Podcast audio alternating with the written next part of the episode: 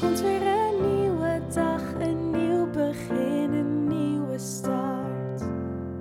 Je wordt vanzelf verrast. Dus lach niet, heb het leven lief. Ook al heb je zorgen, pak het met beide handen vast. Dit is de Alles is Liefde podcast.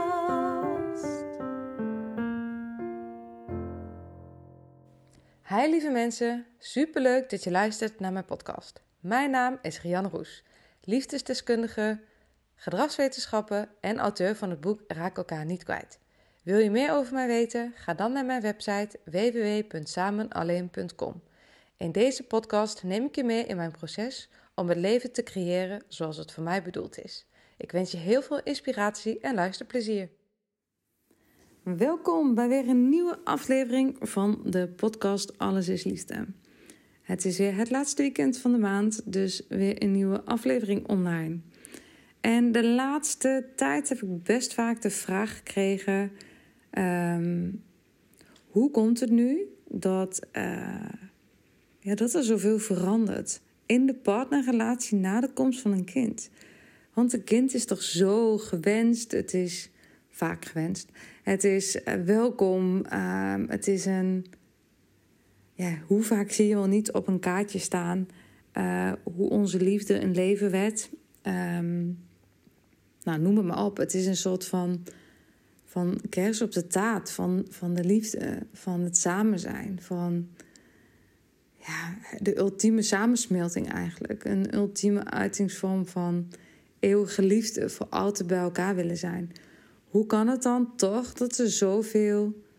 Um, ja, dat er zoveel koppels in moeilijkheden komen na de komst van een kind? Want dan kan je één ding vertellen als koppels één ding niet willen, is uit elkaar gaan nadat ze een gezin hebben gesticht. Relatieproblemen krijgen terwijl er een wolk van een baby in de babykamer of in het babybedje of waar dan ook ligt. Dat is wat geen enkel koppel wil. En toch is dit wat heel veel koppels overkomt. En uh, eind volgende maand mag ik ook nog uh, op de hogeschool in Rotterdam hier uh, een master of een masterclass, een gastles over geven. Dus zodoende was het onderwerp onder meer vanwege deze vraag weer even heel geactueel de afgelopen weken. En los van dat ik er natuurlijk in heel uh, uitgebreid en gedetailleerd met veel tekst en persoonlijke ervaringen en figuren, tabellen um, inzichtelijk heb gemaakt wat er allemaal verandert na de komst van een kind, wil ik in deze podcast jullie daar toch um, nee, in een soort audio, audiovorm in meenemen in wat er nu werkelijk verandert na de komst van een kind. En daarvoor neem ik jullie eerst mee naar relatieproblemen. Waaruit ontstaan relatieproblemen? Los van dat ik daar um, vanuit persoonlijke ontwikkeling heel veel over kan zeggen, ga ik nu het filmen vanuit de relatie bekijken in deze podcast. Want de meeste relaties en de meeste relatiebreuken en de meeste discussies binnen relaties gaan over de drie grote thema's. Um, en die zijn seks, familie, waar dus ook schoonfamilie bij hoort, en geld. En dat zijn exact de drie uh, pijlers die na de komst van een kind mega in beweging komen. Zowel de seks als de financiële situatie, als de uh, positie ten aanzien van familie en schoonfamilie, komen alle drie gigantisch in beweging. En je kunt al relatieproblemen verwachten als een van deze twee, uh, een van deze drie pijlers verandert. Maar na de komst van een kind veranderen ze alle drie tegelijk.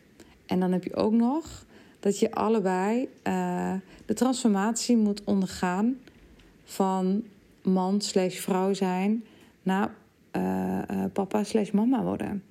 Dus je kunt je voorstellen dat dat echt een mega druk geeft op elk individu binnen de relatie, maar dus ook in de thema's die binnen de relatie in elke andere situatie dus ook voor discussie en uh, nieuwe chaos zorgt. En ehm, daar wil ik het met jullie over gaan hebben in deze podcast. En dat, um, nou ja, weet je, zoals ik in mijn boek ook beschrijf, is het zo dat we als uh, koppel, als mens, in de eerste fase van ons leven heel erg nadoen wat ons door onze ouders is voorgedaan. We gaan op zoek. Um, ja, op zoek. We willen graag een goede carrière, we willen een goede baan. Uh, we willen een eigen woning en we treffen een partner. En die partner wil ook een goede baan en die wil ook een eigen auto en die wil ook een mooie woning. En vervolgens hebben we die mooie woning. En dan is het, um, ja, is het eigenlijk aan alle voorwaarden worden voldaan om dat gezin te stichten. En niet zelden is het dan toch nog weer een projecthuis of projecttuin of groot willen wonen. Want we willen misschien wel twee of drie kinderen en dan is het huis te klein. En vervolgens nemen we dus op de top van ons uh, salaris een hypotheek.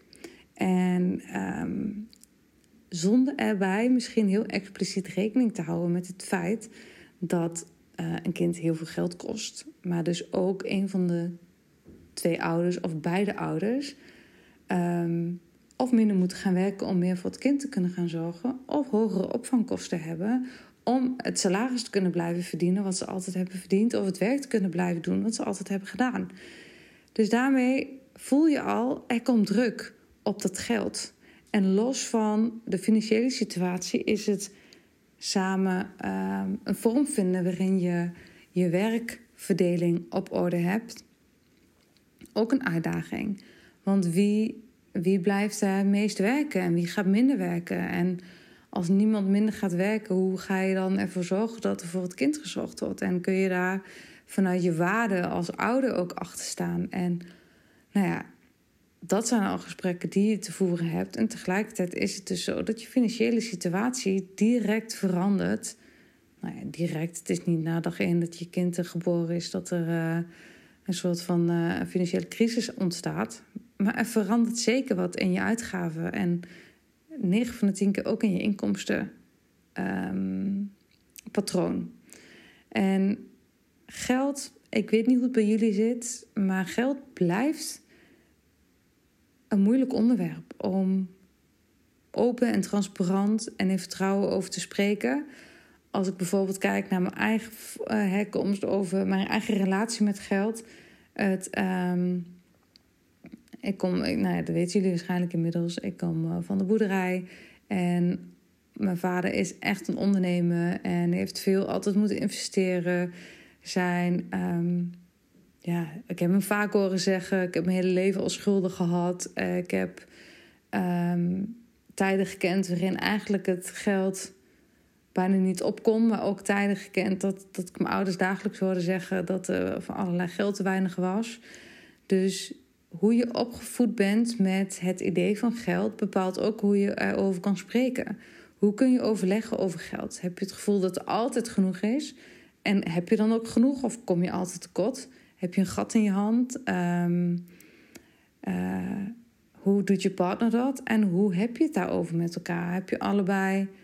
Um, nou ja, ik kan me voorstellen dat als er geen geldproblemen zijn, je eigenlijk ook niet um, over geld hoeft te spreken. Als ik bijvoorbeeld kijk toen ik met, me, met de vader van mijn, uh, van mijn zoontje samenwoonde. En toen we hem nog niet hadden, toen we ons zoontje nog niet hadden, hadden we allebei, werkten we meer dan fulltime. En hadden we een heel goedkoop huis. Dus het maakte eigenlijk geen klap uit hoe, wat we met ons geld deden. Want er was eigenlijk toch wel genoeg. Um, achteraf denk ik, hadden we het belegd of zo. Hadden we iets verstandiger met ons geld omgegaan dan dat dat voor nu... Uh, uh, heel wat meer financiële ruimte gegeven. Maar uh, nou ja, dat is even niet zo. Maar de, de, de, het gesprek over geld kan dus ook pas aan de orde komen op het moment dat het kind geboren is, omdat dan de financiële situatie ook dusdanig verandert dat het een gesprek vraagt. Maar daarvoor moet je ook zelf weten hoe je met geld omgaat. En daarvoor is het dus ook um, een uitdaging om een manier te vinden om een, een, een om de, de nieuwe financiële situatie te uh, gaan plannen of te gaan overzien of te gaan heroverwegen. En hoe doe je dat dan? En hoe vind je het dat Ehm, stel je voor, toch even klassiek, want het is toch door de bank genomen nog steeds zo dat de vrouw echt minder gaat werken dan de man. Stel je voor, de vrouw gaat drie dagen werken, de man gaat vijf dagen werken. Hoe zie je geld dan? Is het dan zo dat, dat je een rato inlegt? Of is het zo dat ehm, de vaste lasten 50-50 uh, zijn en dat vervolgens het geld dat je zelf inbrengt en wat daarvan over is, uh, mag, je, uh, mag je dat zelf houden? Of um, gaat het op de rekening van het kind of gaat het in een gezamenlijke pot? hoe werkt dat? En het is allemaal niet zo ehm, een probleem als je het allemaal op één hoop schuift. Het wordt pas een probleem als je het moet gaan verdelen. En natuurlijk wil niemand um, dat dat zou moeten hoeven of dat die situatie zich voor gaat doen. Maar de kennis leert ook, of de ervaring leert ook, dat het niet zelden zo is dat daar wel um, een herverdeling in moet komen, omdat uh, of partners uit elkaar gaan. Ja, dat is natuurlijk niet een heel populaire een visie of een populair perspectief om nu in te brengen, maar dat is wel de realiteit. Dus hoe zorg je in het hier en nu ook goed voor jezelf, los van dat het in het hier en nu niet zo noodzakelijk is als dat het misschien, en hopelijk niet, op den duur zal zijn? Hoe hou je je daarin staande, ook in dat gesprek? Ben je bereid om toe te geven? Of ben je juist heel erg zeikerig als het over geld gaat? Het woord zeikerig is al een inkleuring. Hè? Dat is iets wat, uh, wat heel erg uh, projectie is van mij. Wat ik heel erg heb meegekregen. Je moet niet zeikerig zijn over geld. En tegelijkertijd moet je er zuinig op zijn. Dus een uh, heerlijke paradoxale boodschap die ik heb meegekregen, waar ik tot op de dag van vandaag uh, nog wel eens mee strijd met mezelf. Dus ja, de financiële situatie. Echt een van de belangrijkste redenen dat er discussies ontstaan in een relatie. En na de komst van een kind verschuift het per definitie. Hoe goed je het van tevoren misschien ook hebt besproken. Wat zeker helpend kan zijn om daar preventief en van tevoren met elkaar echt goed en uitgebreid over te spreken. Hoe gaan we dit doen? Wat verwacht ik van jou? Wat verwacht ik van mezelf? Wat verwacht jij van mij? En wat verwacht jij van jezelf? Hoe zie je dit? En dat gaat echt beter, dat overleg, op het moment dat je uh, nog niet uh, met een huilend kind op de arm staat. De tweede pijler, ik weet even niet of ik nu op de goede volgorde ga, maar dan, dat is echt het stukje uh, familie. Je bent niet meer met z'n tweeën. Als het jullie eerste kind is, ga je, en het is een, gewoon een, een eenling, en niet een tweeling of een drieling, daar ga ik dan even vanuit. Dan ga je in een setting van twee naar drie. Je familie is niet meer alleen je bewijs van je schoonfamilie is niet alleen meer de koude kant. Er is een bloedband via jouw kind met de schoonfamilie. Waardoor je dus op een andere manier met schoonfamilie verbonden bent dan dat je, um, dan dat je daarvoor was. Ga je uit elkaar zonder kinderen, uh, dan kan je in principe gewoon je schoonfamilie losknippen uh, in, in, uh, in de relatie, in de band. Hè? Of dat mentaal ook zo voelt, is voor iedereen heel verschillend. Maar met de komst van een kind gaat dat niet meer. Jouw kind zal altijd een zijnsloyaliteit. Dat betekent een bloedband. En van daaruit ook een loyaliteit hebben vanuit die bloedband naar jouw schoonfamilie.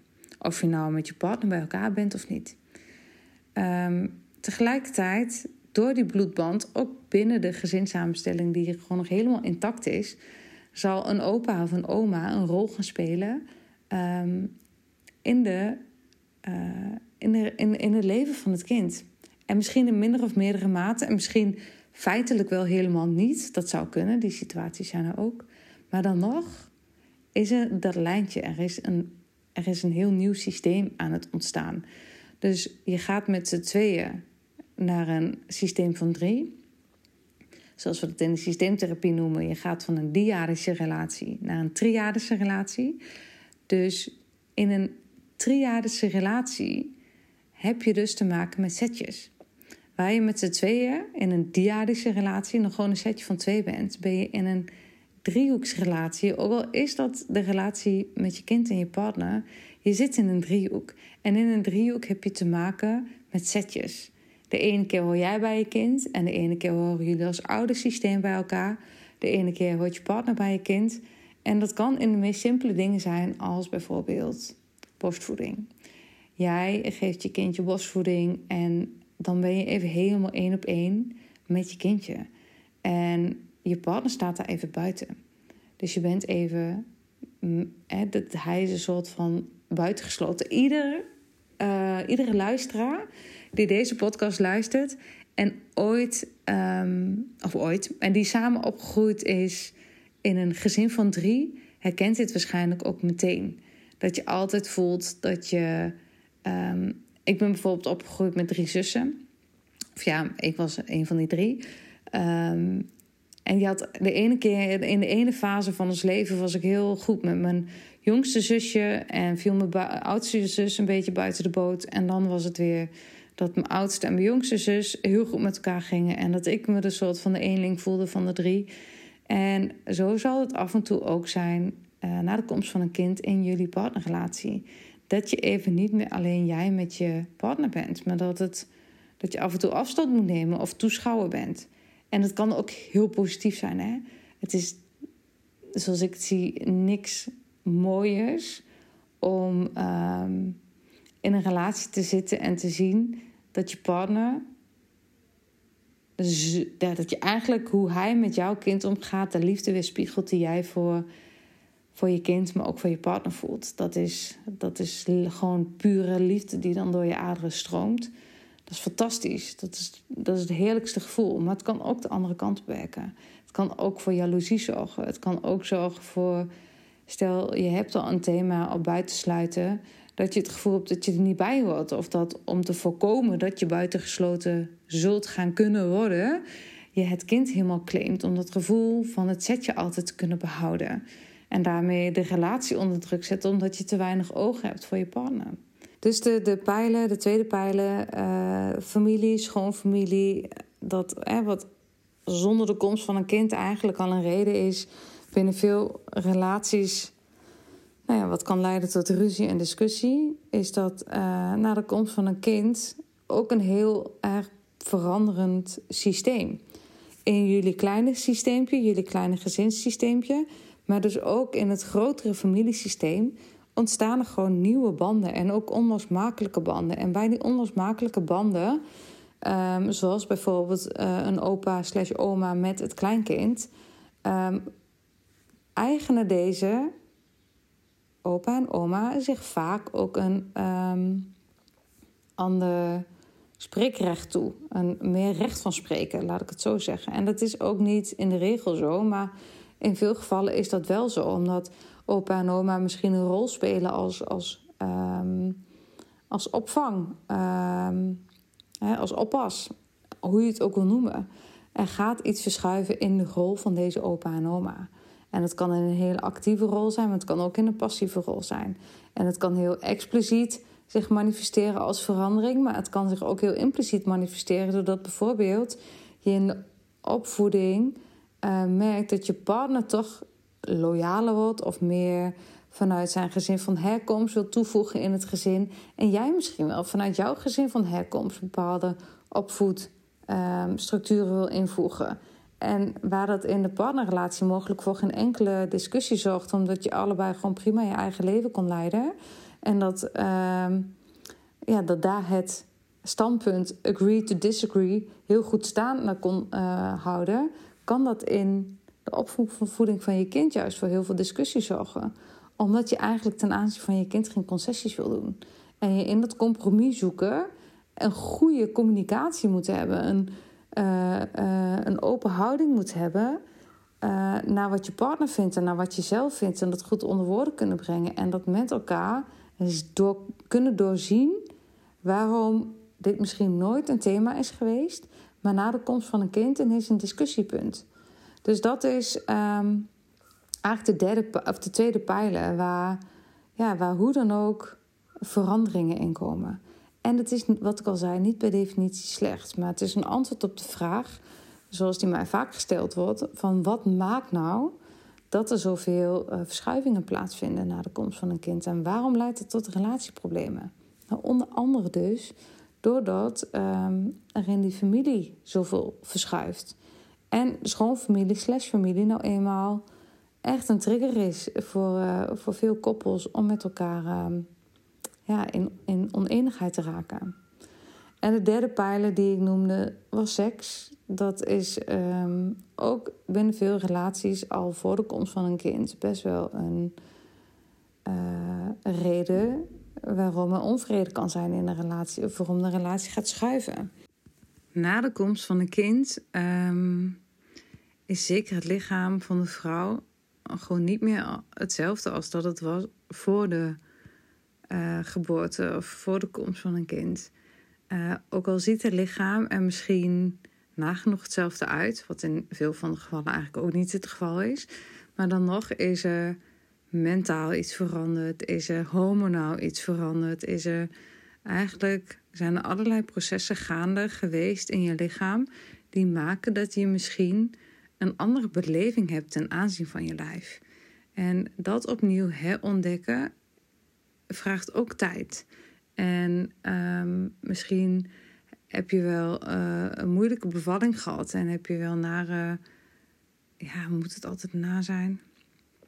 Maar heb je um, herinneringen aan die bevalling op het moment dat uh, je intiem wil zijn met je partner? En voel je dat je eigenlijk die die wisselingen en die dubbele functie die je lichaam op dat moment misschien zelfs heeft, dat je dat helemaal niet kan verenigen met elkaar. En dat op die manier je ook um, ja, minder open staat voor intimiteit met je partner. Omdat je misschien ook uh, je eigen lichaam opnieuw moet leren kennen. Dat je opnieuw moet leren ontdekken wat je fijn vindt. Misschien zijn er aanrakingen. Uh, voelen die anders dan voor de geboorte van een kind. En misschien is het zo dat je libido veranderd is, of dat je hoe je je partner ziet veranderd is, of hoe je jezelf ziet als uh, seksueel wezen veranderd is. En um, dan is het ook nog eens zo dat door de komst van een kind, 9 van de 10 keer, veel koppels uh, slaapproblemen hebben. En niet omdat ze zelf niet kunnen slapen, maar omdat het gewoon een kind is dat een aandacht, tijd en verzorging vraagt. Dus um, de seksuele relatie uh, komt dus per definitie na de komst van een kind in beweging. En of dat positief is of negatief, dat zal per stel verschillen. En um, nou, de koppels die ik zie, daarvan zal het in veel gevallen dus voor problemen hebben gezorgd. Anders zoek je misschien op dat vlak ook niet uh, hulp daarbij om het gesprek te voeren wat gevoeld mag worden over intimiteit en seksualiteit. Om dat weer meer te voelen binnen de relatie. Um, is het hoe dan ook een van de drie pijlers, een van de drie belangrijkste redenen die binnen een relatie voor verschuivingen of voor discussies zorgen. En na de komst van een kind is het onvermijdelijk dat ook de seksuele relatie verandert. Dat kan ten goede of ten kwade. Nou, kwade klinkt wel heel negatief. Maar um, wees je er bewust van dat, dat, niet, dat, dat je niet waar je voordat je aan, hè, eh, voordat de baby er was, voordat jullie kindje er was, uh, dat je niet na de komst van een kind eigenlijk maar zo weer verder kan gaan waar je gebleven was. Je zult toch met elkaar weer moeten gaan voelen Um, hoe, hoe voelt dit oké samen? En als je voor de komst van een kind eigenlijk al weinig, en dit gaat eigenlijk ook net als met geld en ook eigenlijk net als met familie, weinig sprak over de seksuele relatie, dan ligt het op de loer dat je na de komst van een kind doet alsof het nog hetzelfde is als voor de komst van een kind, maar uh, je daarmee dus eigenlijk iets heel essentieels overslaat, de verandering die je teweeg heeft gebracht. Waardoor het dus kan ontstaan dat je um, met elkaar jezelf, maar ook elkaar in de relatie voor de gek houdt. Van zie je wel, het is nog hetzelfde, de frequentie is nog hetzelfde. Of um, alleen de frequentie is omlaag, maar voor de rest doen we nog hetzelfde, dus het zal wel goed zijn. Maar het gaat niet over het feitelijk meetbare binnen de seksuele relatie en de intimiteit die je ervaart met je partner. Het gaat heel erg over de beleving. Hoe voel je je? Hoe kun je je overgeven? Hoe voelt je lijf? Hoe voelen de aanrakingen? De aanrakingen kunnen nog wel precies hetzelfde zijn, maar voelen ze ook nog lekker? Um, heb je letterlijk nog zin of doe je alsof je zin hebt? Omdat je denkt, nou, al gaandeweg krijg ik wel zin en dan is het ook goed. Dus dat zijn momenten in de relatie waarin um, ja, de beleving van seks heel erg uit elkaar kan gaan lopen. En dat is zo zonde, want het kan ehm, juist ook heel erg verbindend zijn als je er voldoende over kunt delen met je partner. En om erover te kunnen delen met je partner, zul je toch ook zelf moeten gaan voelen: hoe is dit voor mij? Hoe werkt dit voor mij? Hoe werkt mijn lijf? Hoe ga ik, en nu richt ik me vooral, denk ik, op de vrouw in deze podcast. Hoe ga ik ermee om dat mijn lichaam niet meer hetzelfde functioneert en niet meer hetzelfde uitziet? Hoe ga ik ermee om dat uh, mijn borsten er in de eerste tijd uitzien als leeggelopen ballonnen? Um, voel ik me nog aantrekkelijk? Uh, wat heb ik van mijn partner nodig om mezelf misschien weer wat meer vrouw te voelen en niet alleen, nou uh, spreek even uit eigen ervaring, die melkfabriek. Dus um, die seksuele relatie is niet per definitie gewoon weer oké. In sommige gevallen, wel, maar um, in heel veel gevallen ook niet. En hoe stevig is jullie vertrouwen in jezelf en in elkaar en in een relatie? En hoezeer ben je in contact met je eigen lichaam en met je eigen behoefte aan intimiteit? Om dit ook daadwerkelijk op een echte pure, open manier met elkaar te bespreken. En misschien is het niet nodig, maar ik denk dat ik wel durf te zeggen dat in 80% van de gevallen um, de seksuele relatie na de komst van een kind ook verandert en misschien zelfs wel verslechtert, omdat het te weinig open en eerlijk gedeeld wordt over wat je voelt. En dit kan natuurlijk andersom voor de man even goed gelden. Hoe voelt de man het om, um, wat als jij, uh, wat als hij bij de bevalling is geweest en heeft gezien en gevoeld waar jij misschien wel doorheen bent gegaan. Misschien vindt hij het ook moeilijk om jouw uh, lijf weer uh, tot zich te nemen of te veroveren of te, te voelen. Omdat, niet omdat hij je niet prachtig vindt, want waarschijnlijk vindt hij je nog gewoon net zo mooi, maar ook omdat hij voelt er is iets veranderd. En uh, ook niet precies de vinger op kunnen leggen. En misschien ook terughoudend is, omdat hij respectvol voor je wil zijn. Of um, ja, ook zelf niet weten hoe dit gesprek te voeren over dat hele lijfelijke stuk en over het stuk intimiteit.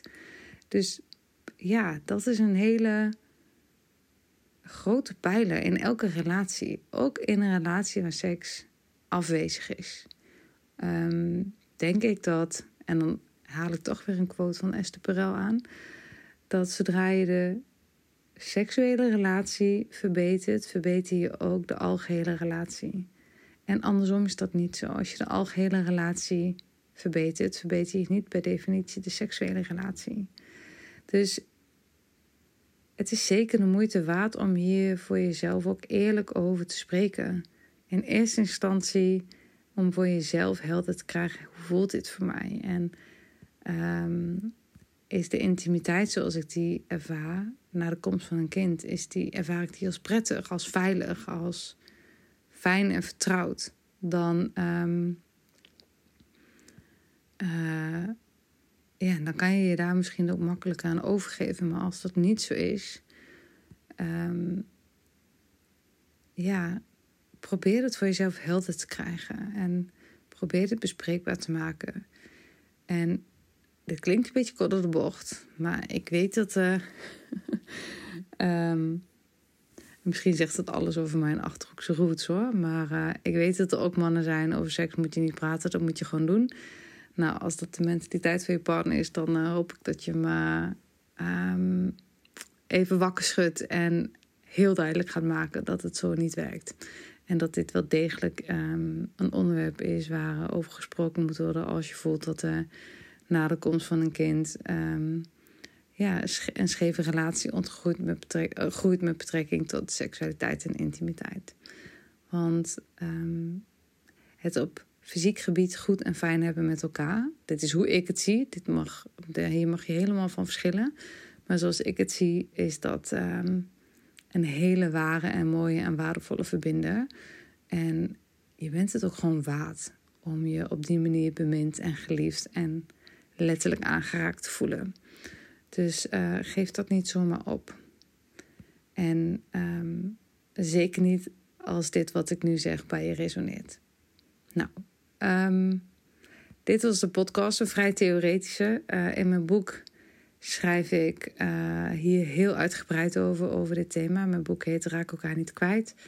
En is te bestellen um, via bol.com, via eigenlijk elke lokale boekhandel, ook via mijn website. En daarin um, diep ik deze thema's nog veel verder uit en uh, gebruik ik schema's en quotes en eigen verhalen en nog meer theoretische onderbouwing uh, vind je daar. Maar goed, dus dit is voor nu um, naar aanleiding van ook mijn gastles die ik ga geven, maar ook zeker meerdere vragen die ik uh, in de DM heb ontvangen. Uh, deze podcast met waarom het toch het een en ander gaat verschuiven binnen de relatie na de komst van een kind. Hoe geliefd en hoe gewenst het kind ook is. Ik hoop je ermee te hebben mogen inspireren en um, voor nu wens ik je een hele fijne dag. Liefst van mij.